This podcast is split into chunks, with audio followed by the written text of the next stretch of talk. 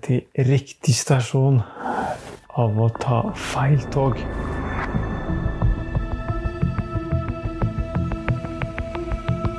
Velkommen til Tankevekkeren.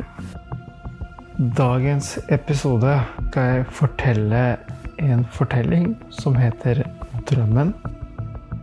Denne fortellingen fikk jeg høre av min kollega for mange, mange år siden. Eh, jeg jobber ikke der nå, forresten. Eh, hun var polsk. Det er sannsynligvis en polsk fortelling. Det var en gang en fattig mann som bodde i Krakow. Det eneste han kunne skryte av, var et stort epletre i hagen. Og den hadde alltid frukter. Han hadde bare døtre og var meget bekymret. Hvordan skulle han klare å få dem giftet bort? Han ba til Gud når han var i synagogen. Han ba til Gud når han ikke var i synagogen. Han ba til Gud om hjelp og råd, men han fikk ikke noe svar. Han ba så ofte til Gud at han trodde at Gud har blitt lei av ham. En natt hadde mannen en underlig drøm. Han drømte at han skulle gå til Praha. Der skulle han gå til den store broen og grave etter en skatt. Eh, skatten var gravd ned ved den største brotårnet. Men uh, mannen likte ikke drømmen. Han prøvde å glemme den bare. Men drømmen kom jo tilbake neste natt, og natten deretter også. Mannen visste at Gud ikke brydde seg om penger. Og hvis det ikke var Gud som snakket til han i drømmen, da kunne det bare være djevelen. Så han gjorde sitt beste for å glemme det bort. Stakkars mann. Han ble blek og tynn. Han turte nesten ikke å legge seg til å sove.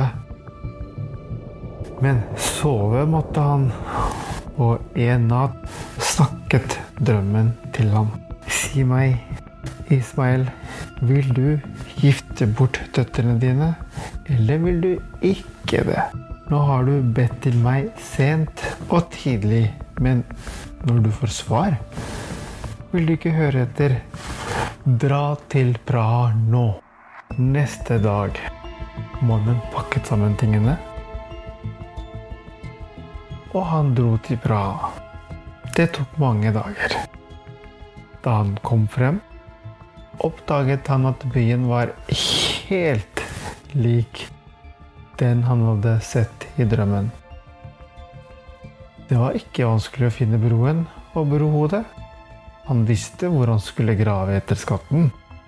Men dette her var jo under krigen, så det var mange vakter som gikk på broen. Hva skulle han gjøre? I flere dager gikk han rundt brohodet. Soldatene ble oppmerksomme på ham, og de syntes det var mistenkelig. De tenkte at det var veldig rart at han oppholdt seg ved broen hele tiden. Så de bestemte seg for å arrestere ham.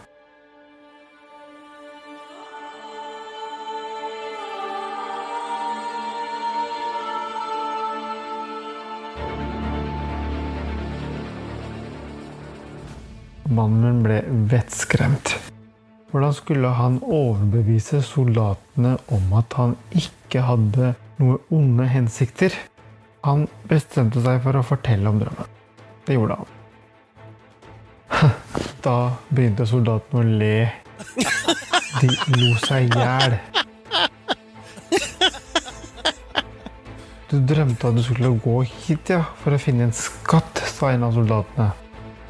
Ja, ja, kanskje jeg skulle også lytta til drømmene mine. Da skulle jeg gå til Krakow.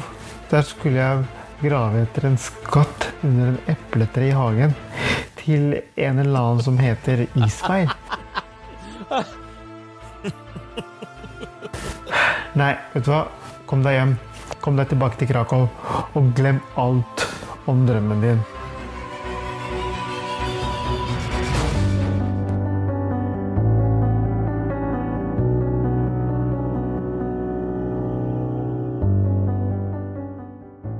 Ismar gikk rett hjem til Krakow og gravde opp skatten under det store epletreet. Han giftet bort alle døtrene til gode menn. Han ga penger til de fattige, takket Gud for å ha blitt bønnhørt, og levde resten av livet uten bekymringer.